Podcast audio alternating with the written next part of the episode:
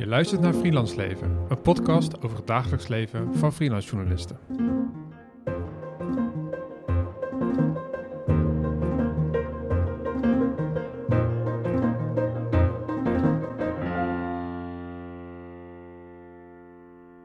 Leuk dat je weer luistert naar een nieuwe aflevering van Freelance Leven. En normaal begint de aflevering altijd met Sanne Poot, de Ja. eerste presentator van, van deze podcast. En ik heb dan meer een soort van duidende rol als, hè, als de, de mediawetenschapper. Eh, maar omdat het aflevering 20 was, eh, dachten we dat het een leuk idee was om even pas op de plaats te nemen. En om even wat reflectie in de hele serie te brengen. Want we hadden het over, ehm, over een onderwerp voor een nieuwe aflevering. En ja, toen dacht ik van, nou ja, Sanne is al bijna anderhalf jaar nu allerlei gesprekken aan het voeren met freelancers over hun arbeidsomstandigheden, hoe dat emotioneel is, hoe ze dat praktisch inrichten. Dus het leek me wel een mooi moment, omdat het ook aflevering 20 is, om eens de rollen om te draaien, dat ik dan jou ga interviewen nu. Ja. Ehm, en het vooral te hebben over wat jij allemaal hebt geleerd of meegekregen van de podcastserie tot nu toe. Ja, ja, dus eh, ik ben erbij eh, sinds aflevering 6. Ja? Eh, dit is aflevering 20, dus we hebben 14 afleveringen gemaakt samen. Ja. Ehm, en ja, dat freelance leven, daar ben ik eigenlijk nog steeds druk mee bezig. Ik ben nog steeds freelancer. En jij vroeg me eigenlijk voorafgaand aan deze aflevering om een soort reflectie inderdaad alvast te maken. En te kijken naar de. Ja, eigenlijk, oh, je, je daagde me eigenlijk uit om een brief te schrijven aan mezelf als een soort afscheidsbrief voor, de, eh, voor het freelance leven. En een brief over waarom ik door zou moeten gaan met het freelance, ja, ja, leven. echt een ode en een, Ja. en een afscheidsbrief. En een ode en een afscheidsbrief. Ehm, ik heb dat echt weer heel lang voor me uit zitten schrijven, schuiven. Want eh, nou ja, een van de dingen waarom ik het freelance leven zo fijn vind... eh, is dat ik altijd bezig ben met deadlines. En ik heb dus altijd deadlines nodig om mezelf tot bepaalde dingen te zetten. Dus ook tot reflectie. Ja, volgens mij stuurde je dit gisteravond naar mij om tien over half één Ja, zoiets. s'nachts. Ja, ik had er heel de dag al een beetje aan zitten, aan zitten klungelen. En ik ben eigenlijk al sinds vorige week woensdag... dus ik ben nu, zijn nu ongeveer een week ben ik hier eigenlijk al in, in mijn hoofd een beetje mee bezig van... joh, wat, hoe, hoe sta ik hier nou eigenlijk in? Weer stukjes terug zitten luisteren van de afleveringen. Ehm, naast de afleveringen heb ik eh, van de eerste... ja, wat is het? Ik denk de eerste 14, oh, nou, 12, 13 afleveringen die ik eh, met jou deed, heb ik reflecties geschreven ook voor Villa Media. Nou, die weer teruggelezen, kijken van wat, wat, waar, eh, wat haalde ik daar nou uit? Wat voor tips eh, gaven de mensen die we spraken mee? Hoe heb ik die in mijn eigen leven weer toegepast? Ehm, kan ik wat met een afscheidsbrief? Kan ik wat met een ode? Ehm, en nou ja, dat werd eigenlijk, heb ik het gewoon eerst voor mezelf chronologisch soort van uitgetikt. Wat heb ik nou uit elke aflevering gehaald? Waar zat ik op welk moment? Ehm, en eh, nou, ja, uiteindelijk kwamen er gewoon een soort van twee korte lijstjes uit. Mhm. Ehm, een lijstje waarom ik eh, het freelance leven maar beter gedag zou kunnen zeggen. En een lijstje waarom ik het freelance leven moet blijven omarmen. Ja, ik, kan, ik kan gewoon even korte punten waarom ik het eh, freelance leven maar beter gedag zou Ja, kunnen dat, zeggen. eh, laat eh, daarmee beginnen. eerst benoemen. Ehm, ja, eh, een reden waarom ik het freelance leven maar beter gedag kan zou kunnen zeggen. Ehm, nou, ik word onrustig van de onzekerheid. Ik eh, bouw nog steeds geen pensioen op. Eh, ik word er een workaholic door. Ik rust eigenlijk nooit echt uit. Ik weet dat de journalistieke sector de komende jaren alleen nog maar meer uitgehold gaat worden. Uh, ik kan, als ik stop, uh, meer tijd stoppen in mijn relaties. Um, ik weet dat journalisten met elkaar een toxische werksfeer in, in stand houden. En ik weet dat er toch amper mensen zijn die de moeite nemen om zich te verdiepen in de journalistiek of in goede journalistiek. Um, nou dat waren eigenlijk de voornaamste redenen die ik kon bedenken om te stoppen met het, uh, met het freelance leven. Dus eigenlijk om meer rust in te bouwen, om uh, meer stabiliteit en financiële zekerheid te, in te richten voor in de toekomst. Um, en ook omdat ik twijfel aan de houdbaarheid van de journalistiek in de toekomst als een, ja, als, als, als een manier waarop je je brood kan verdienen. Zijn het allemaal dingen die je eigenlijk al wist? Of heb je uit specifieke afleveringen een Mm, soort inspiratie gehaald? Of, of dat je zo'n realisatie had van, oh, dit is eigenlijk wat ik ook voel? Ja, nou deels, ja, deels heeft het denk ik altijd achter in mijn hoofd wel gezeten. Want ik heb ook even teruggeluisterd. De eerste aflevering die we samen deden was de aflevering eh, met Henk Vinken. Eh, dat was eh, nog in de tijd dat we de afleveringen begonnen met de eerste vraag aan de geïnterviewde vraag van... joh, wat is het freelance leven voor jou? En ik heb dat weer even teruggeluisterd en in die tijd, dat is inmiddels zo'n anderhalf jaar geleden... En Henk Vinken was? Henk, Henk Vink is een onderzoeker en hij heeft de Freelance Monitor ehm, eh, eh, ges- samengesteld. Dus hij doet elke eh, vier jaar, volgens mij, doet hij onderzoek naar de financiële omstandigheden van mensen in Ja, allerlei hij doet het in principe jaarlijks. Of jaarlijks Ja. doet hij dat. Ja, de jaarlijkse mo- monitor was dat. Ja, ik heb mijn facts een beetje straight. Eh, Daar is de podcast voor. dat is helemaal goed. Maar ja, wat hij dus doet, is dus echt die data verzamelen van wat verdienen mensen nou. Ehm, en eh, dat ook, nou ja, dus in meerdere sectoren onderzoeken. En daaruit kwam gewoon dat freelance journalisten over het algemeen te weinig verdienen om van rond te komen. En dat de meeste mensen een werkende partner ernaast moesten hebben of uit een rijk milieu moesten komen om zich staande te houden in de journalistiek. Eh, nou, dat wist ik natuurlijk ergens wel. Want ja, je studeert journalistiek en je ziet welke mensen daarop afkomen. Eh, maar dat zo zwart op wit zien, dat was voor mij wel een eye-opener. Dat was wel dat ik dacht, oh ja, oké. En ook vooral de, de tarieven die hij er tegenover stelde in de niet-journalistieke journalistieke sector. Waarbij mensen ineens 90 euro per uur kunnen verdienen. Ehm, ik werkte toen de tijd eh, voornamelijk voor Open Rotterdam en voor eh, vers beton en zo. En nou, die tarieven lagen daar echt veel, veel lager. Liggen daar nog lager. Die kunnen daar gewoon echt absoluut niet bij. Dus ik had iets, ja, ik kan gewoon drie keer zoveel verdienen als je een uitstap maakt naar de communicatie. Ik heb dat in die tijd ook gedaan. en eh, toen bij een soort eh, ja, communicatiebureau gezeten die klussen doen voor gemeentes en eh, andere bedrijven. En dat verdiende inderdaad een stuk beter. Maar ik vond dat ook echt heel erg stom werk. Ja. Dus Ja. daar kwam ik dan ook wel weer achter. Dus het is zo, het zijn allemaal van die punten, die, die negatieve punten, die weet je allemaal wel. Ehm, maar eh, ja, uiteindelijk is dat freelance leven toch wel iets wat aan mij, aan mij trekt. En in ieder geval de journalistiek is iets heel erg iets wat ik eh, fantastisch vind eh, Ja. om in te Ja. werken. Want je zegt ook bijvoorbeeld, eh, je weet dat journalisten met elkaar een toxische werksfeer in stand houden. Ja. Hoe heb je dat uit de afleveringen gehaald? Ehm, ik neem even een slokje thee, want we zijn we zitten even zo. Even kijken hoor. Ja, eigenlijk, wat, wat, dat, even, even voor de... Even de setting Even- even, nou, nou, schetsen. nou, meer voor de... Hè, dit is een soort, soort behind-the-scenes-achtige schets. Het gesprek wat wij nu hebben, en dat is ook de reden dat wij nu ook zo zitten, is eigenlijk na elke aflevering, we hebben meerdere autoritten naar huis Mhm. gehad. Uh, weet je wel, omdat we ook soms best wel ver in het land gingen Ja. om, een, om een opname te doen.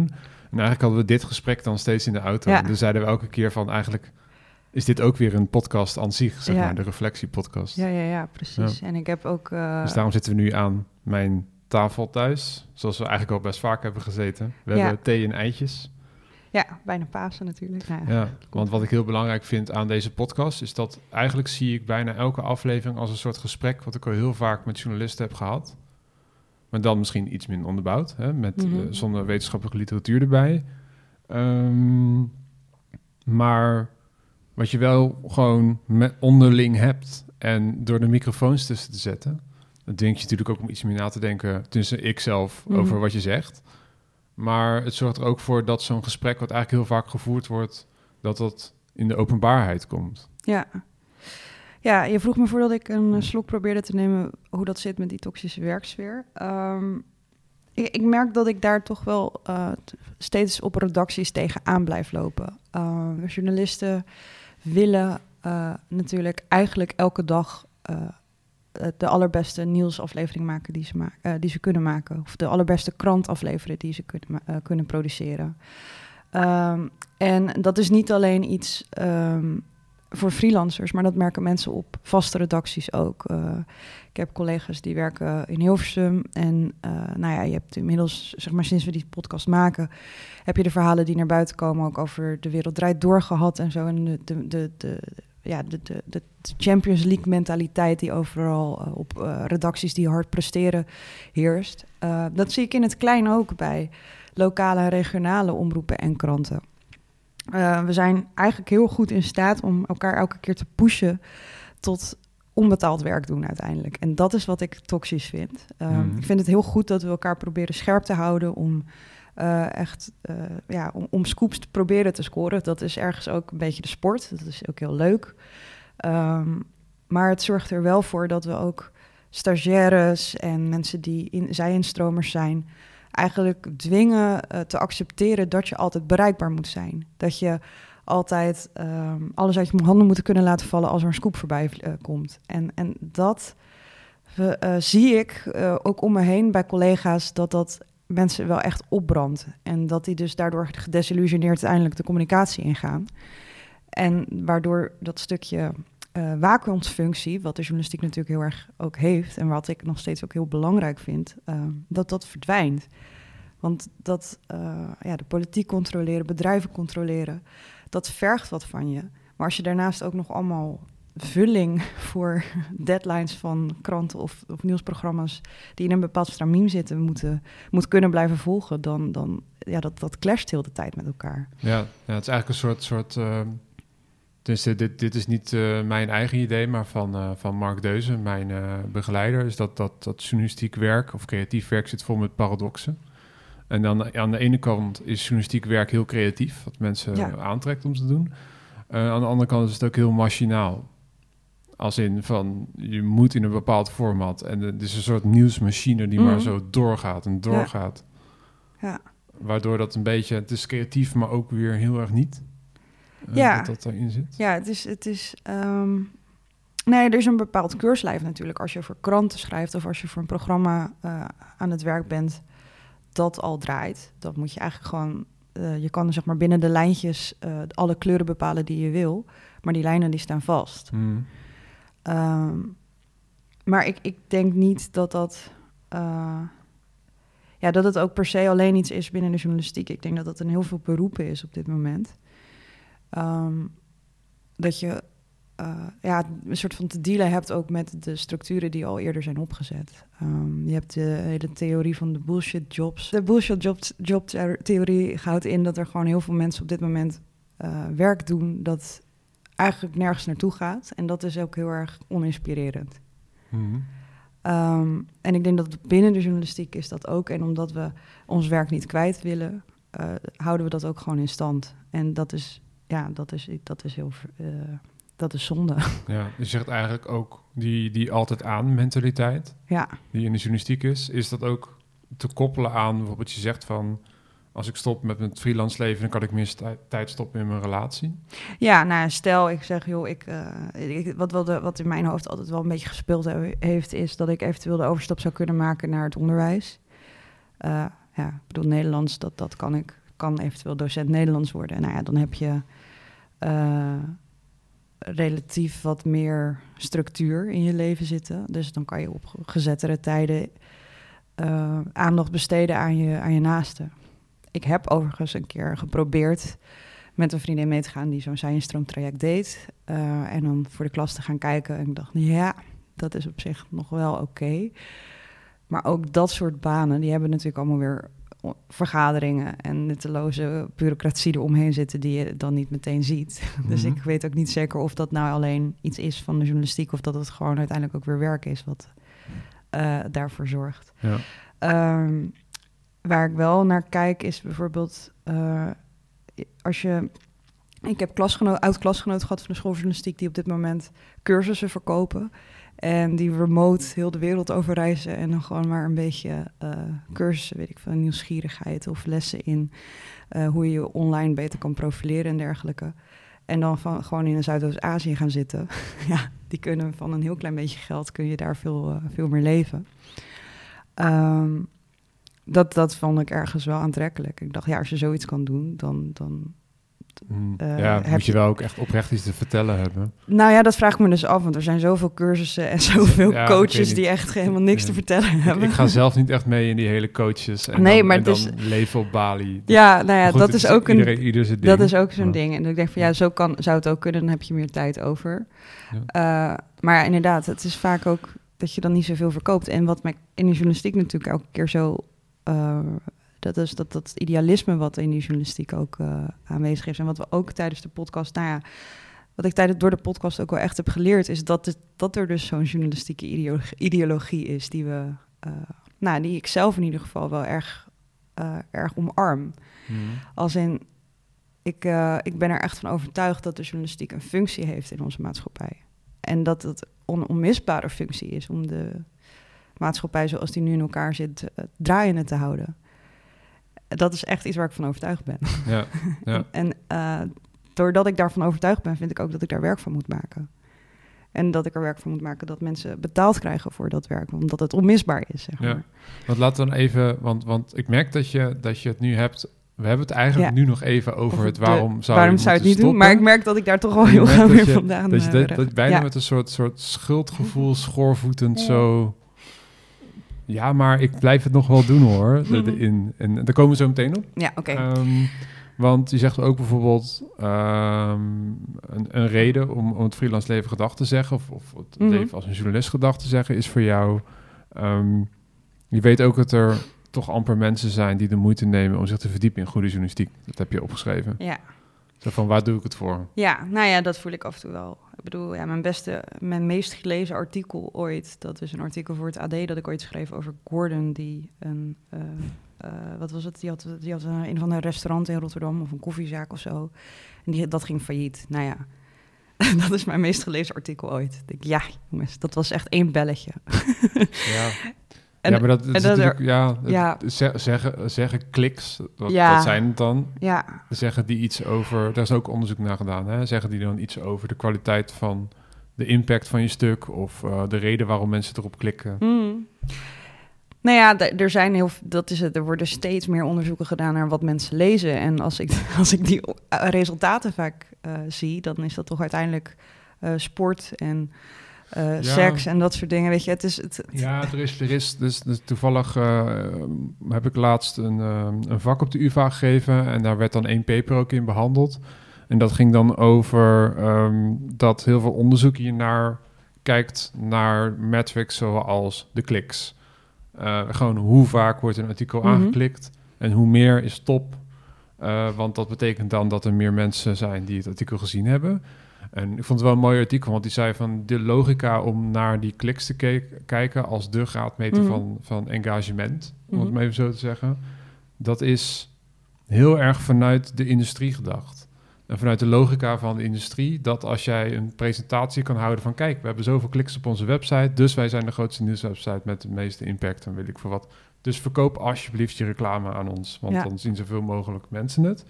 Nou, wat de onderzoek hebben, onderzoekers hebben gedaan, is gewoon op verschillende manieren gekeken naar van oké, je hebt nieuwsgebruikers, daar gaan we gewoon, eh, die gaan we interviewen. We gaan kijken hoe zij eh, letterlijk over hun schouder meekijken hoe zij omgaan met nieuws. Mhm.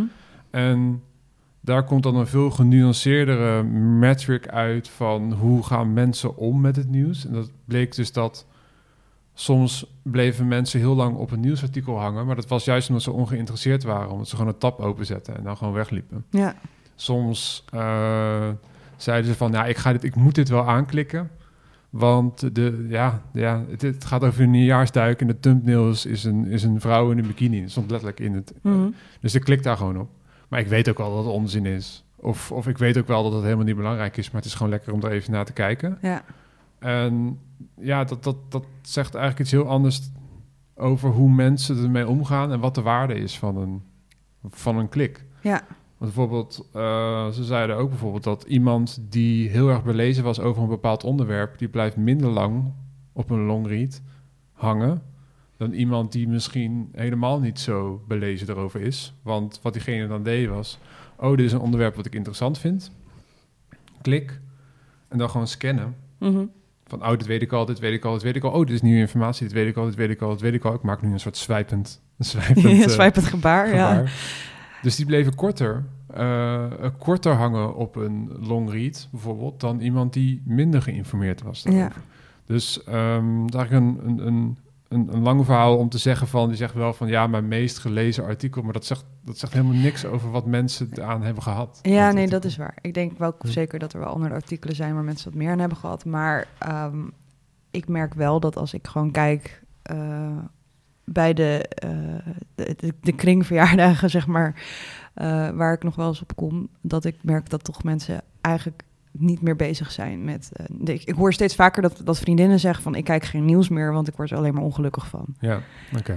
Ehm, en dat zou ook kunnen omdat ik nu in een fase kom dat ik ineens allemaal vrienden heb die kinderen krijgen en dat soort dingen. Dus die hebben genoeg aan hun hoofd misschien. Mhm.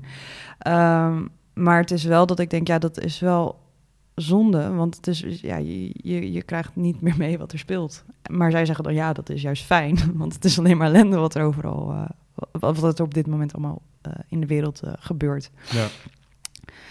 En dat zou dan misschien een reden voor jou zijn om te zeggen van ja, wat, de- om te stoppen. Dus dat heb je opgeschreven. Ja, nou ja, meer van ja, dat je het is, het is een beetje zinloos. Je bent eigenlijk gewoon mee aan het doen in die, eh, aan die aandachtswedstrijd van, van, van, nou ja, zeker als je het hebt, je, je maakte net dat swipegebaar. Als je hebt, eh, als je de, mediaconsument op hun telefoon, eh, eh, als je de mediaconsument op zijn telefoon hebt, dan, ehm, dan, dan win je het eigenlijk niet van de, eh, de, de, de, de, ja, de, de Instagram en de TikToks die eh, continu korte eh, op, op, ja, oppervlakkige dingen voorschotelen. Eh, ik denk dat het als journalist steeds lastiger is om daar echt verdieping op te brengen. En ik merk ook dat ik gewoon helemaal niks heb met social media. dat ik daar, eh, dat ik dus niet die journalist ben die zeg maar op die platforms de moeite wil nemen om soort van geld te verdienen voor Meta of eh, Twitter en dat soort of TikTok. Ehm, door mijn informatie op een creatieve manier daarop aan te bieden, zeg maar. Mhm. Niet, niet vanuit mijn eigen mediabedrijf, zeg maar. Ja, ja. Ehm, want ik, ik vind dat inderdaad een beetje een zinloze, zinloze, niet zeggende manier van nieuws consumeren. En als dat het wordt, weet je wel, dan denk ik wel, ja, wat heb ik daar dan nog te zoeken? Dan kan ik misschien beter eh, me gaan verdiepen in maatschappelijk werk of zo. En, en eh, weet je wel, echt mensen helpen op een Ja. bepaalde mani- manier. Ja. Even een, een, een spoiler voor de luisteraar. Uiteindelijk is de conclusie dat je dit toch wil blijven Ja, doen. voorlopig wel, ja. toch? Ja? Dus, dus, dus zeg maar, na, met, met al dit gezegd hebben, en we kunnen Ja. ook nog even teruggrijpen op, Op- an- op negatieve dingen.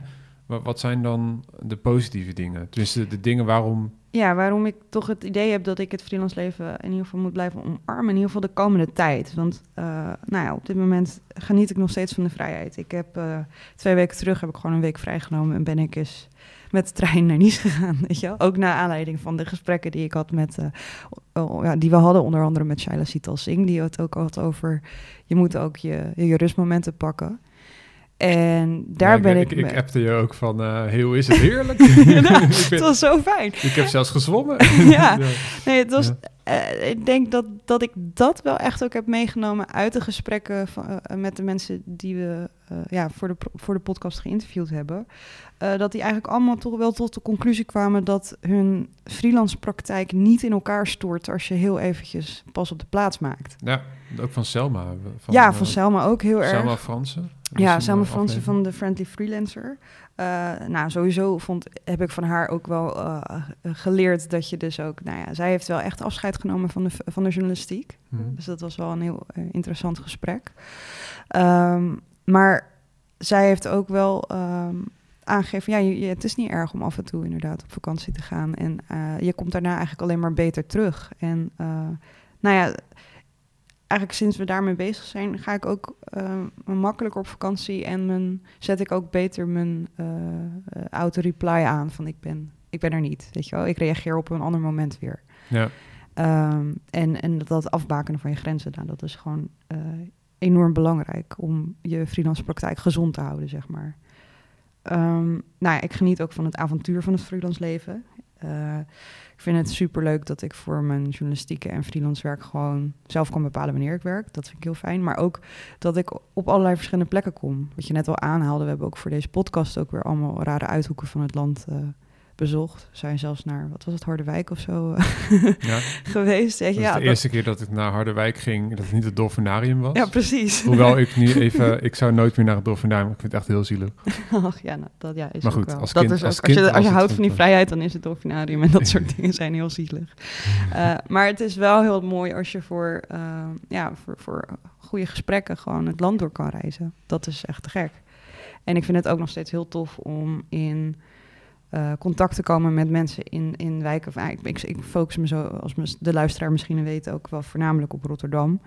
Maar dat ik ook in allerlei verschillende wijken kan komen voor mijn werk. Om met mensen te praten die allerlei toffe beroepen hebben. Of juist helemaal geen werk hebben omdat ze dakloos zijn en van alles hebben meegemaakt. Maar dat ik dan kan helpen hun verhaal op te schrijven. Nou, dat blijf ik gewoon heel tof vinden. Mhm. En zeker als daar dan weet je wel, raadsvragen over worden gesteld. En als daar dan nog weet je wel, echt iets mee gedaan wordt, dat vind ik echt, uh, dat, dat is voldoeninggevend. Ja, dat, dat is ook wel de, wat je zei net van mensen zijn volgens jou minder bezig met journalistiek, dat jij dat zo, dat dat iets met je doet, mm dat idee. Um, aan de andere kant zeg je nu ook wel duidelijke impact van.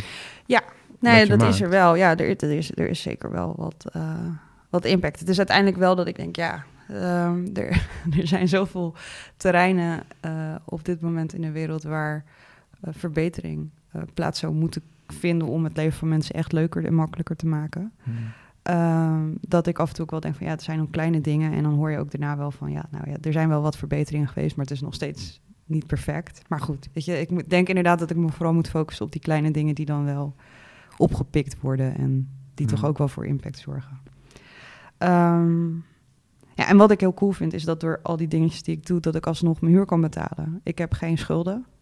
Uh, ik uh, woon in een particulier huurhuis in Rotterdam. en ik kan af en toe op vakantie. Nou, dat is, uh, best wel, dat is best wel wat op dit moment. En daar ben ik echt wel best wel tevreden over. Ik heb gewoon een, een, een gezonde freelance praktijk. Ja. Ja. Um, ja, ik zit even te kijken hoor. Ik heb een heel lijstje gemaakt. Het zijn best wel veel punten waarom ik het freelance leven moet blijven omarmen.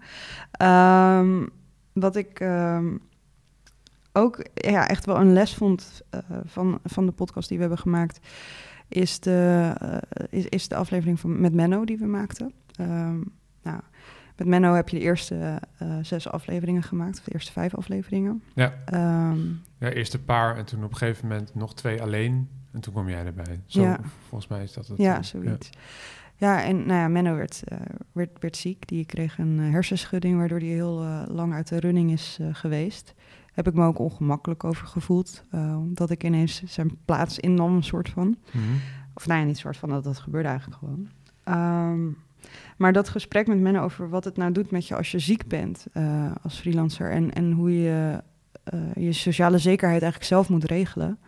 dat was voor mij ook wel eigenlijk wel goed. Ik bedoel, ik weet dat altijd wel, maar je houdt... Ik weet niet, ik denk dat ik had, ik had, als ik echt, ik het persoonlijk houden, ik wil niet generaliseren voor alle, allerlei andere freelancers. Uh, maar ik had heel erg het idee dat ik soort van onschendbaar was. Als in, ik kan altijd blijven schrijven. Als ik mijn been breek, kan ik alsnog, weet je wel, stukjes blijven tikken of zo. Dat, dat doe ik wel even. Ja, dat is echt bizar. ja, dat is eigenlijk... alleen één werkende vinger nodig. Ja, toch? En dan kan ik nog wel, uh, dan kan ik nog wel wat blijven tikken of zo. Ja. Um, maar, maar nee, dat is helemaal niet zo. Dus dat, en dat is ook heel goed om dat realistisch uh, te bekijken. Uh, je hebt gewoon de kans dat je pech hebt en je hoofd ergens tegenaan stoot en dat je er gewoon uit ligt de tijd. Dat is gewoon een reële optie. En daar had ik gewoon helemaal niks voor geregeld. Um, Omdat het te duur was. Omdat het te duur was, maar ook omdat het een, bepaald iets was waar ik me in moest verdiepen met cijfers. En uh, ik mezelf eigenlijk, zo, ja, ik had zoiets van, ik wil vooral, dat je, verhalen maken en ik wil het over je, andere mensen hebben. en dat stukje investeren in jezelf. Mm Tijd investeren in jezelf, uh, dat stukje reflectie, dat is ook iets wat we natuurlijk in de podcast vaak hebben uh, meegemaakt. Um, tijd investeren in jezelf, uh, de, de informatie vinden van hoe je je freelance praktijk eigenlijk nou, als echt als een soort van bedrijf moet gaan voeren. Dat ben je. Uh, dat heb ik heel lang niet echt zo gezien. Ik dacht, ik ben journalist, weet je wel, freelance journalist. Maar dat stukje freelance en wat dat dan inhoudt, dat heb ik heel lang een soort van gedowngrade. En gewoon go with flow. Ik ga gewoon in op allerlei opdrachten. En ik zie wel, weet je, er komt geld binnen, het is oké. Um, maar nou ja, na dat gesprek met Menno had ik wel zoiets van... oké, ik moet hier echt even goed uh, mijn sociale zekerheid... en mijn, mijn, uh, de, de, de technische kant ook van het freelance leven... beter onder de loep gaan nemen. Dus ik ben meer gaan praten met mijn boekhouder... van hoe zit uh, mijn bedrijfsvoering in elkaar? Ziet dat er een beetje gezond uit? Um, en ik ben een broodfonds gaan regelen. Want dat was ook wel iets wat daar heel erg uitkwam. Uh, dat is een, ja, een relatief goedkope manier van je sociale zekerheid, uh, uh, een soort arbeidsongeschiktheidsverzekering, zonder dat je zo superveel betaalt als dat je dat bij een verzekeraar zou doen. en het is een collectieve manier van met andere freelancers ja, elkaar ondersteunen als je ziek wordt. Twee jaar lang kan je daar dan een uitkering van krijgen. Nou ja, dat vond ik heel leerzaam. En ook goed om te kijken van wat heb ik dan nodig? Hoeveel moet ik daarin leggen? Um, en ik werk eigenlijk dat ik van relatief weinig geld kan leven. Dus dan, uh, ja, ik spaar nu 220 euro per maand. En volgens mij krijg ik daar dan een uitkering van van 1250 euro mocht ik ziek worden. Nou, en dat zou dan net al mijn vaste lasten dekken. Nou, dat is op zich voor mij ideaal. Want dat je dat, je dat in, in beeld hebt en dat je weet wat je kwijt kan zijn en wat er binnenkomt en alles. En nou, dat was wel iets wat ik voorheen uh, altijd een beetje links liet liggen. Ja, ja. ja eigenlijk is het een soort soort lijn in de hele serie tot nu toe dat de freelancers eigenlijk allemaal en ook de onderzoekers allemaal eigenlijk op een eigen manier zeggen van zorg goed voor jezelf. Nou ja, dat is eigenlijk gezien de bredere structuur die er is, waar, waar uh, je had het over een toxische werksfeer, mm. waarin mensen elkaar um, tot het uiterste letterlijk drijven soms, zonder dat ze doorhebben. Of uh, dat, je, dat je grote idealen boven jezelf zet, eigenlijk, zonder het door te hebben. Mm. Of dat je, dat je eigenlijk helemaal niet nadenkt over de toekomst of over je carrièreperspectief. Of um, dat, dat je eigenlijk heel weinig reflecteert. Ja. En dat is natuurlijk wat deze hele podcast is. is één grote reflectie op jou, want jij zit overal bij. Ja. Uh, één grote reflectie op jouw bestaan als freelance journalist. En ja, eigenlijk in elke aflevering zou je zo eruit kunnen plukken van wat is de self-care die ik hier uit kan halen? Ja, nou ja, eigenlijk wel. Ja, Het zijn allemaal ehm, heel uh, concrete tips geweest van, uh, weet je, vraag om hulp. Uh, weet wat je, ja, weet, houd, houd overzicht over je eigen inkomsten, over wat voor verhalen jij wil maken. Want nou ja, dat was wat ik eigenlijk ook al aangaf. Ik, in het begin nam ik eigenlijk alles aan wat er op mijn pad kwam. Want ik dacht, hé, hey, ik werk, weet je wel. Mhm. Eh, ik ben nu wel selectiever in welke klussen ik aanneem en welke ik niet doe. Uh, want dat kan ook. En daardoor leer je jezelf ook veel meer op waarde schatten. Maar dat is denk ik echt iets waar veel beginnende freelancers uh, wel tegenaan lopen. Want je wil gewoon... Je wil daar gewoon wat van kunnen maken. Je wil binnen die journalistiek een bestaan kunnen opbouwen. En nee zeggen voelt, ehm, ja, voelt altijd spannend. Want voor hetzelfde geld vragen ze je de volgende keer niet meer. Ja. En dan kan je afvragen van, ja, maar is dat dan erg? Dat doe ik dan nu. Weet je wel? En ik mhm. ben, ik ben het werk ook steeds meer als werk gaan zien nu. Het is werk wat ik doe. En, ja, en in plaats van dat het heel persoonlijk is. Precies, ja, Dat, dat, het, dat het echt een onderdeel is van mezelf. Of ja, nou, het is een onderdeel van mezelf, maar het is het, het, is het werk. Het is um, het is iets wat ik moet doen om huur te kunnen betalen. Het is iets wat ik doe en wat ik al een tijd doe en waar ik steeds beter in ben geworden. Waar ik nu eigenlijk ook wel... Ja, ik, ik ben gewoon wel een, een, prima eindredacteur. Ik kan wel gewoon een verslag in elkaar zetten, weet je wel. Um, al die dingen waar je in het begin misschien toch veel minder uh, zeker van bent. Um, wat ik ook belangrijk vond, is dat mensen aangaven dat je um, dat je, je specialisme moet kennen. En ik heb heel lang geprobeerd inderdaad ook dat persoonlijke branding en je, jezelf online presenteren uh, eigen te maken. Uh, maar dat moet, je, dat moet in je zitten. dat heb ik gewoon niet. Mm. Weet je? Dus, en dat is ook oké. En dat heb ik, ja, ik nu ook door. Ik vind het wel heel leuk om voor bedrijven uh, een social strategie te verzinnen. En dan kan ik het ook best onderhouden, want dan krijg ik er betaald voor. En dan zie ik er ook gelijk resultaat van. Ja. Uh, maar ik zie er gewoon niet zo, ja. ja, dat is heel erg een soort ja, dat, nou, kom, kom ik weer met, uh, met mezelf, ja, met mezelf exploitatie. Maar ja. dat, dat, dat is ook iets. Ik merkte ook van.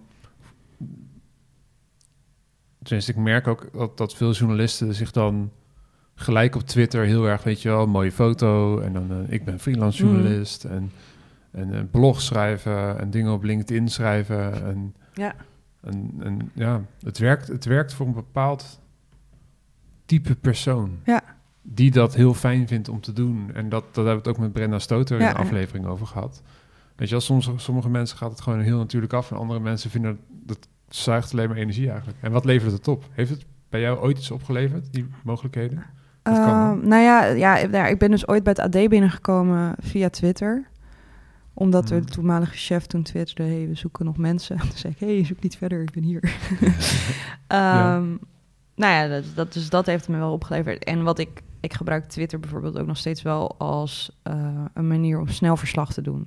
Ja, Dus ik gebruik het dat als is iets anders dan branding. Ja. Van hey, dit ben ik en Precies. ik ben awesome. En, en ja, ik gebruik het als tool en ik doordat ik mocht hier spreken. Ik mocht dit doen. Ik Ja, nou dat ook. Dat je Ja. dus daar, eh, dat, dat, dat, nou, dat is eigenlijk weer een ander ding. Maar goed, ik gebruik dus, dus Ja. eh, social media voornamelijk als tool. Ehm, en, en ik probeer inderdaad ook in mijn woordkeuze, volgens mij was het ook Hasna die dat ook aangaf, dat zij ook, ja, weet je, dat, dat je niet per se, ehm, dat, ja, dat, je, dat, dat, dat, je je niet per se bevoorrecht moet voelen als je voor bepaalde klussen wordt gevraagd. Maar dat je, ja, dat is ook gewoon werk. Je hebt gewoon je werk gedaan. En als Ja. een docent ineens gaat zeggen, ja, ik mocht groep 3 les geven, dat was, dat is, is ook een beetje vreemd. Dus, dus, de bakker zegt, ja, ik mocht jou een brood verkopen. ja, nee, je wordt gewoon gevraagd omdat je een bepaald soort expertise hebt. Ja.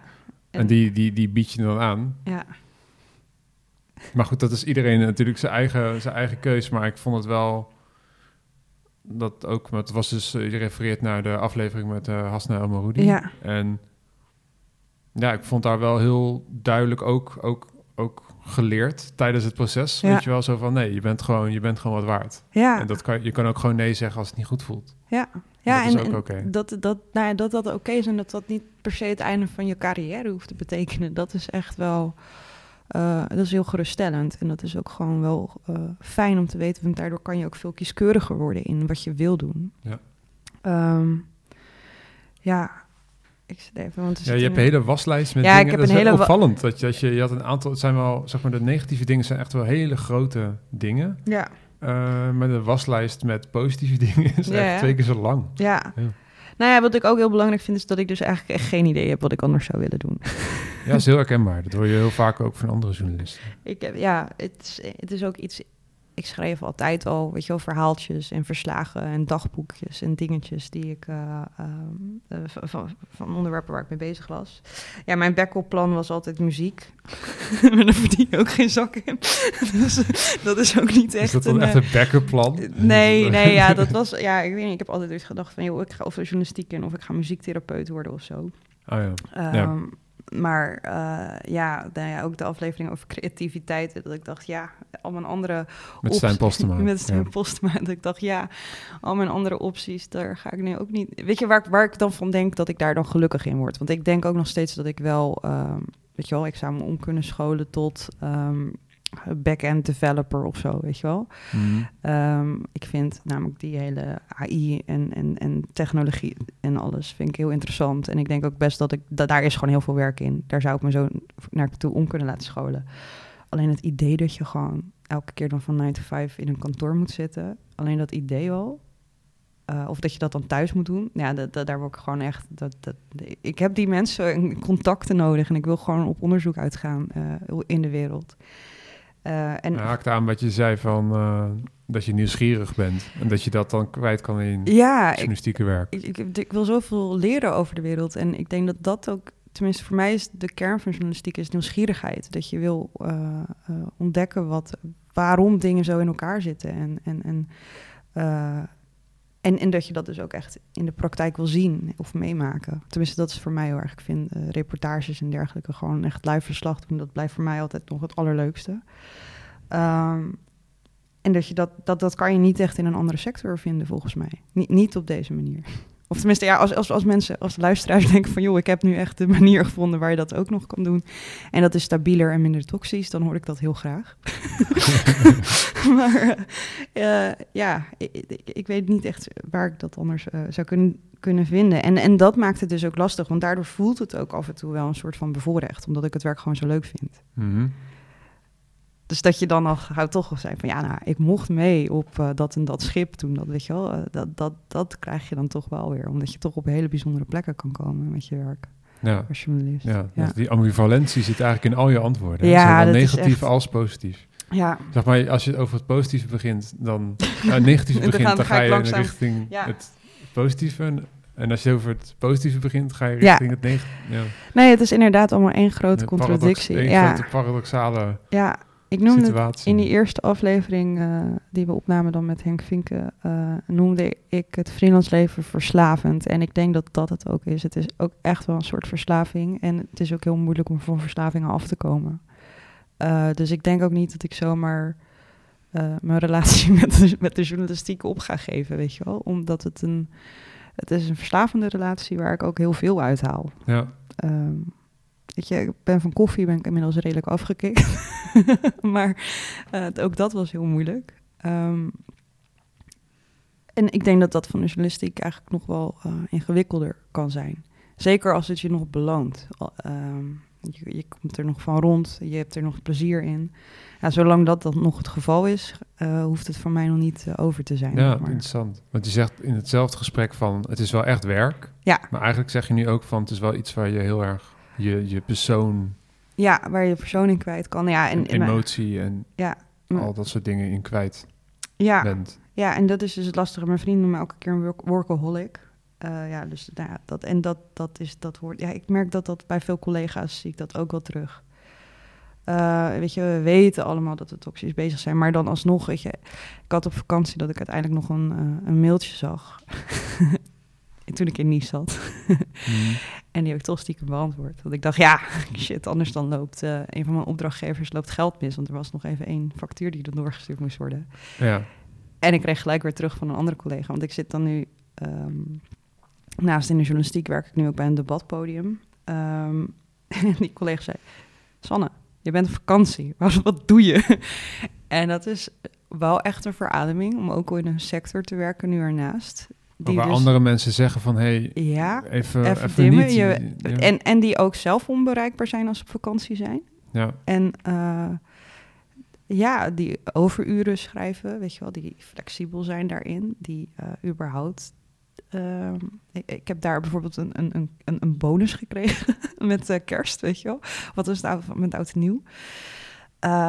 Eh, en en dat, dat kregen daar alle freelance en vaste medewerkers. Nou ja, dat was voor mij sowieso een, eh, een, iets, helemaal iets nieuws. Dat je denkt, jeetje, ik ben normaal gewend nou ja, om eigen baas te zijn. dan mag ik dat aan mezelf geven. Eh, want de mediaorganisaties waar ik voor werk, die doen dat over het algemeen niet. Die niet aan bonussen, Die, die, die geven soms niet eens een chocoladeletter. Want dan, dan lijkt het wel Ja. alsof je in dienst bent. Exact, dat ja. soort dingen. Ja, of dat je, ik weet ja, dat ik bij het AD heb gezeten en dat dan de bak- banketstaven op den duur weer kwamen, die dan voor iedereen waren, behalve voor de freelancers. Ja, dat, dat, heb ik ook meegemaakt bij het Eh, AD. dat, dat, ja, dus het is wel, ik vond dat wel heel tof om dan toch eens bij een organisatie te werken die dat dan wel doet. En ook eh, te merken dat dat in die sector dus normaal is. dat je denkt, oh oké. Mhm. Eh, er zijn dus wel andere sectoren die dus wel eh, beter omgaan met hun freelancers en vaste mer- medewerkers die daar eh, in vieren wat mensen kunnen doen. Zeg Ja. maar. ja, dat. Eh, ja, dat, dat, dat blijft voor mij wel. Dat is inderdaad, dit- die journalistiek blijft gewoon een contradictie. Eh, en dat vragen van verschillende mensen. ehm. en ik denk ook dat eh, dat, dat, stukje, nou wel, dat, sorry voor de woordenbrei, want het gaat in mijn hoofd nu heel veel eh, heen en weer. Ehm, wat ik ook nog heel waardevol vond, is dat eh, we zowel in de aflevering met Timon over reflecteren, Mhm. als, eh, Timon Raamaker. ja. Eh, als met eh, Mark het ook hadden over het kunnen beschrijven van wat je meemaakt en het kunnen, eh, kunnen benoemen van je emoties. Ik denk dat heel veel journalisten heel goed zijn in het beschrijven wat anderen voelen en wat anderen meemaken. Maar dat we toch wel een bepaald vocabulaire missen om te omschrijven wat het met onszelf doet. Ja, dat, dat, dat is dus die emotional labor. Mhm. Hè? Dat, Ja. je, dat je eigenlijk eh, dat je bezig bent met het managen met, van emoties van anderen, maar eigenlijk ook eh, met het managen van je eigen emoties. Mhm. En in de journalistiek wordt het dan vaak ingevuld met je moet objectief zijn. Dus er is eigenlijk helemaal geen plek voor jouw emoties. Ja. Die mag er dan, dat mag er eigenlijk niet zijn. Ja. Terwijl Ja. ze zijn er wel. En ze zijn er. En En ze doen iets, iets met je. En, en ik ben zelf wel heel erg een voorstander van gewoon echt toelaten hoe je je ook echt voelt. En dat dat ook gewoon moet kunnen. Mhm. Voorbij het idee dat je als journalist sowieso kan je niet echt objectief zijn. Je kan ernaar streven natuurlijk en, en op een bepaalde manier een verhaal benaderen. Maar ruimte voor het feit dat er iemand nou eenmaal verslag doet en dat hij er ook iets bij voelt. Ja. Dat kan juist een hele extra dimensie aan een verhaal toevoegen. Ja, precies. Ik vond dat ook wel... En aan je eigen welzijn, hè? dat is even belangrijk. Ja, ik vond dat ook wel terugkomen in het gesprek wat we hadden met Sally Kilic, uh, fotograaf. Ja. Uh, waar je het had over ja, dat je toch uh, als je bij onrustige situaties bent die, waarvan je verslag doet, dat je dan toch natuurlijk ook een bepaalde, bepaalde emotie zelf meeneemt in je werk. Um, en ik vind het ook wel bijzonder dat er in, uh, in mediaorganisaties zoals Vers Betonwerk voor Werk ook nu wordt uh, uitgesproken dat zij niet objectief zijn, maar dat ze een bepaalde progressieve stellingname nemen in hun verslaggeving. Hmm. Um, en dat is dan als je het hebt over de objectiviteit en kleur, maar als je het hebt over wat het dus doet met je persoonlijk als uh, mediamaker. Uh, en wat voor stress er bijvoorbeeld komt kijken bij je, bij je werk. En uh, misschien soms ook wel woede, omdat er zoveel, weet je wel, uh, de, de, woordvoerders en lage bureaucratie zijn voordat je een keer tot je waarheid komt, zeg maar. Um, dat, dat je daar misschien toch ook uh, woorden voor leert vinden, als je, als je dus maar weer die tijd inruimt. Dat is wel uh, iets wat ik echt uit de podcast meeneem, zeg maar. Um, ik merk wel dat het nog steeds moeilijk is om daar op redacties echt ruimte voor in te richten. Mm -hmm. uh, en, en dat, ja, als ik kijk naar de nieuwe stagiaires die ik op bepaalde plekken heb gezien, dat die wel, wat ik wel heel tof vind, is dat die allemaal wel veel meer bezig zijn met hun mentale gezondheid. Meer dan toen ik studeerde. Um, dat kan ook komen door gewoon corona en de manier waarop internet nu ook bezig is uh, met uh, ruimtes inrichten waar je het kan hebben over hoe je je mentaal voelt. Um, ik vind het heel cool dat dat, dat dat dus bij de jongste generaties, die, die zoomer-generatie, nu wel naar voren komt. Uh, maar ik vind het ook lastig als ze daar niet de ruimte voor krijgen en toch ook weer gepusht worden in dat uh, toxische altijd aanstaan keurslijf. Uh, ja. Waarbij ze dus niet toekomen aan reflectie uiteindelijk. Ja. Um, want het gevaar wat ik daar wel in merk is dat ze dus dan niet. Um, niet dat, dat stukje kunnen verwerken of kunnen, uh, kunnen uitleggen. Uh, maar daardoor weet ik veel eerder emotioneel worden. En dan denken van ja, oké, okay, deze sector is te hard voor mij. Ik, ga, ik stop er wel gelijk mee. Ja, um, ja het is een beetje dat het, het cliché wat, wat, eigenlijk, wat eigenlijk heel giftig is, is natuurlijk if you can't stand the heat, ja. stay out of the kitchen. Ja. Dat was ook het de wereld door-achtige uh, argument. Weet je wel, wij doen hier topsport. Ja. Met die bizarre sportvergelijkingen. En dan, weet je wel, dus, dus als, als je het niet aan kan, dan zal het wel aan jou liggen. Mm -hmm. Wat voorbij, volledig voorbij gaat aan allerlei structurele organisaties binnen de creatieve sector in, in zijn algemeenheid en de journalistiek. Ja. Uh, ja. Specifiek. Ja, en het is zonde, want het, het reflecteert door op heel de maatschappij. Want als wij dus verwachten van mensen dat, dat er dus geen ruimte mag zijn, ook al binnen de journalistiek, voor eerlijke reflectie, hoe zit dat dan in andere sectoren, weet je? Uh, dat is niet... Um, mensen zijn geen robots, dus we moeten ook ruimte maken voor die emoties. Dat hoort er ook bij. Hmm. Uh, en ik denk als we dat heel lang blijven ontkennen, dat dat, uh, dat, dat niet helpt. als, um, als je nou kijkt naar, je hebt, je hebt, weet je wel, uh, positieve kanten nu genoemd, Hmm. negatieve kanten. En eigenlijk terwijl je praat heb je al door dat alles door elkaar loopt. Ja. Je gaat alle kanten op met je ik hoop dat het een beetje te volgen is. Uh, Um, ja. En wat, wat, hoe ga je nu verder, zeg maar? Want je hebt nu wel echt... Door, door de podcast zat je dus ineens in, zo samen met mij ook hoor, in, Ja. in een soort positie van, oh, we gaan met allemaal mensen praten en echt met, met wetenschappelijke literatuur gaan we gewoon gesprekken voeren. Nou, hoe ga je nu verder? Of heb je iets veranderd? Nou ja, ik heb dus eh, wel echt praktische dingen veranderd. Dus ik heb nu inmiddels dat broodfonds. Ik heb uh, met mijn boekhouder afgesproken dat ik eigenlijk uh, vaker met haar reflectiemomenten inlas, ook om gewoon te reflecteren op mijn bedrijfsvoering. Um, ik heb dus die, uh, die klus bij een debatpodium erbij genomen. Um, en daar voel ik me minder schuldig over dan voor de eerdere communicatieklussen die ik deed. Um, als in schuldig. Uh, ik heb dat een beetje losgelaten. dat is wel fijn. Ik uh, zie het inderdaad nu meer als werk. En ik weet ook dat als ik journalistiek werk wil doen, dat ik daarnaast klussen moet doen die niet journalistiek zijn. Want ik kan niet rondkomen van alleen die journalistiek. Um, En wat ik ook meeneem is dat ik uh, steeds ja, dat ik, dat ik wil blijven leren. Dat is, want dat vind ik echt heel tof aan de gesprekken die we hebben gehad. Ik heb van al die mensen wat kunnen leren. Um, en ik heb ook heel lang op een soort van comfortabele positie gezeten. Uh, waar dus inderdaad elke keer klussen op mijn pad kwamen die dan niet super goed betaalden, maar genoeg om niet van dood te gaan, weet je wel. Uh, maar die me eigenlijk ook niet echt uitdaagden. Um, dus wat ik uh, wel probeer is, want ik, ik vind die uitdaging ook leuk als er af en toe iets nieuws voorbij komt. Uh, dus ik probeer mezelf ook weer wat meer tijd te gunnen om nieuwe uitdagingen aan te gaan. Zeg maar. Dat klinkt heel LinkedIn-erig. maar uh, ik zie het wel echt als uh, een, ja, om, verdieping. Ja, om maar. kritisch te zijn over waar je ja tegen zegt. Denk ja, ik. precies. Dat het echt gewoon ja. goed voelt. Ja, In plaats van, oh, het is een klus, dan zijn we weer even ja, bezig. maar van wat, wat, wat wil ik nou doen? Ja, ik wil, ik wil, wil, meer verdieping brengen. En voor nou, Open Rotterdam heb ik bijvoorbeeld nu een project opgezet... waarbij journalisten de wijken ingaan en echt uh, dat, dat opgezet. En alleen ik, weet nog, ik ben er nog niet helemaal over uit hoe ik daar de komende tijd bij betrokken ga blijven. Omdat ik echt wil zoeken naar, het moet mij ook wat opleveren. Ja. En dat is wel uh, fijn, want ik, heb, ik kan dat nu verwoorden. Ik, ik moet er wat aan hebben moet, voordat ik een klus ga doen. Ja. ja. Of, dus, ja. dus voorlopig uh, gewoon freelance. Voorlopig heb ik een gemeng, blijf ik een gemengde praktijk voeren. en dus inderdaad wel, wel freelancen. Ik heb erover nagedacht om bijvoorbeeld twee dagen in de week uh, in vaste dienst te gaan.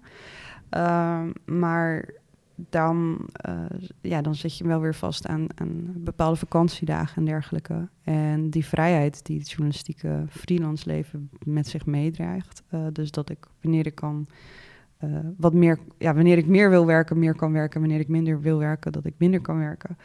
Uh, dat blijft voor mij zo aantrekkelijk dat uh, ik dat voor, voorlopig nog wel uh, vol ga houden.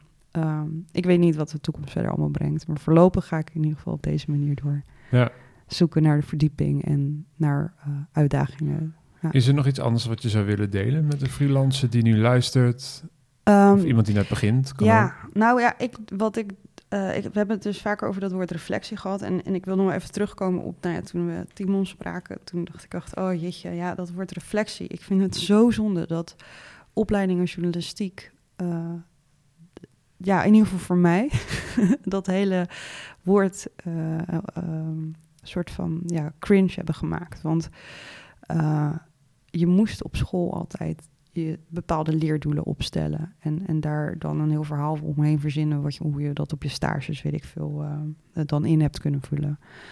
Uh, volgens mij is dat op veel HBO's en misschien ook wel bij universiteiten. Maar ik denk niet dat dat de manier is per se om te reflecteren op je, op je werk. Um, het, is een, het is een houvast, maar dat voorgeprinte manier van een HBO-reflectie, dat werkte voor mij eigenlijk een beetje averechts, omdat ik dan gewoon doelen ging verzinnen die ik sowieso wel haalde. Ja. Um, maar echt oprecht reflecteren uh, door jezelf af te vragen van, joh, wat heb ik hier nou aan gehad? Uh, wat kan ik hier verder mee? Um, waarom doe ik wat ik doe? dat zijn eigenlijk gewoon ja. die, die, die filosofie, meer filosofische benadering van uh, waarom je doet wat je doet. Dat heeft mij in ieder geval geholpen om mijn freelance praktijk weer wat meer te sturen. Ja.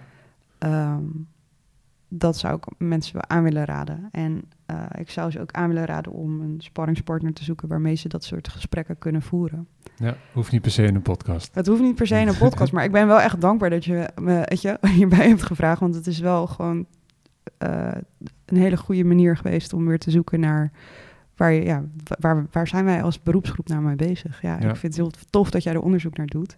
Überhaupt, weet je wel, over waar wij allemaal elke keer over, de, ja, wat wij leven, dat, dat, dat daar onder, wetenschappelijk onderzoek naar wordt gedaan en ook tools worden gegeven om dus te kunnen benoemen in bepaalde modellen wat stress met ons doet, wat uh, verschillende soorten kapitaal nou inhouden, weet je wel. Dat is uh, echt, uh, ja, heel ja. fijn voor ons om die, die wetenschap erachter te hebben om uiteindelijk dat werk een stuk leuker te ja. maken. Ja, en dat, dat onderzoek is echt alleen maar mogelijk dankzij openhartigheid van mensen ja. zoals jij, die ervoor openstaan om ja, nou, te delen hoe ze zich voelen. Dat, is echt niet, dat neem ik ook niet als vanzelfsprekend of zo, dat je dat nu doet. Ja, nou, en ik denk wel dat dat ook de enige manier is om uh, ons werk leuker te houden. Weet je, transparantie en openheid. Uh, dat is ook iets. Ik ben ook echt wel begonnen met het openbreken van het praten over geld bijvoorbeeld. Dat, dat daar een taboe op zit, dat is Mhm. zonde. Want daar, daardoor eh, worden freelancers niet rijker. Ja. Eh, en mediaorganisaties wel. Grote mediaorganisaties. Ehm, dus ja, ik, ik zou dat ook mensen nog steeds aan willen raden. Eh, heb het met elkaar over wat je werk waard is. En, en bedenk ook wat je zelf zou willen betalen voor je werk. Eh, nou ja, ik denk wel dat dat helpt. En dan nog één laatste, wat ik ook echt nog een hele goede les vond van, ehm, van Selma. Dat was over het opvoeden van je opdrachtgevers. Dat, oh ja, ja dat- daar heeft ze ook een hele nieuwsbrief over geschreven. ja, dat Ja. is echt, dat vond ik ook echt een eye-opener. Dat je gewoon, eh, nou ja, gewoon, je moet eerst nagaan voor jezelf hoe jij zou willen communiceren met je opdrachtgevers. Maar als je dat helder kan communiceren naar hen en zij kunnen zich eraan houden, dan maak je je werk zoveel makkelijker. Mhm. Eh, ja, dus dat, dat is wel echt een leerzaam iets en dat heb ik ook echt geprobeerd nu mee te nemen, ook in mijn eigen klussen. Ja. Ja. Ja, ontzettend bedankt voor je, voor je eerlijkheid. Ik bedoel, je stort toch ook wel een beetje zo je... Ja, je- ik hoop dat je- mensen hier wat aan hebben. Je hart uit. ik stort even mijn hart uit, ja. En Eh, eh, ja, wij gaan natuurlijk gewoon door. Dit was even een soort van interlude ja, aflevering. Zo van, oké, waar, waar, waar staat de presentator zelf eigenlijk? Waar staat...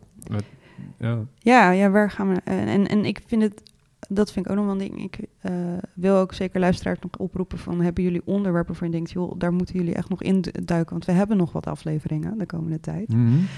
Ehm, laat het ons weten. Je kan, eh, eh, ik kijk echt nog steeds op social media, want ik, ben- ik ga er niet echt van af. Eh, als je hashtag freelance leven gebruikt, dan zie ik het op Twitter of op Mastodon, waar ik nu ook op zit. Ja.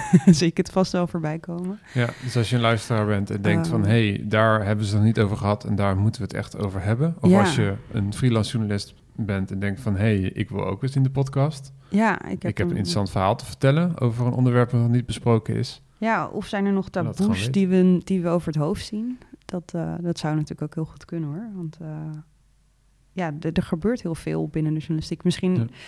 zijn er ook nog wel TikTok-journalisten of zo die zoiets hebben, joh, eh, we, je- ja, je ziet het helemaal verkeerd. Er- dit is de toekomst. We gaan hier wel heel veel uithalen. Ehm, nou ja, ik, ik sta open voor alles. Ik ben eh, eh, hoopvol dat we toch nog wel dit werk leuker kunnen maken, ook al is het werk. Kijk, mo- mooi ambivalent... eh, Lekker ambivalent. Mooi ambivalente uitspraak om mee eh, af te sluiten. Eh, ontzettend bedankt. En luisteraar, tot de volgende. Tot de volgende. Freelance Leven wordt mede mogelijk gemaakt door het Lira-fonds ReproRecht. Mijn promotieonderzoek, dat ten grondslag ligt aan deze podcast, wordt mogelijk gemaakt door Stichting Democratie en Media en het Stimuleringsfonds voor de Journalistiek. Wij zijn er volgende maand weer met een nieuwe aflevering. Tot dan!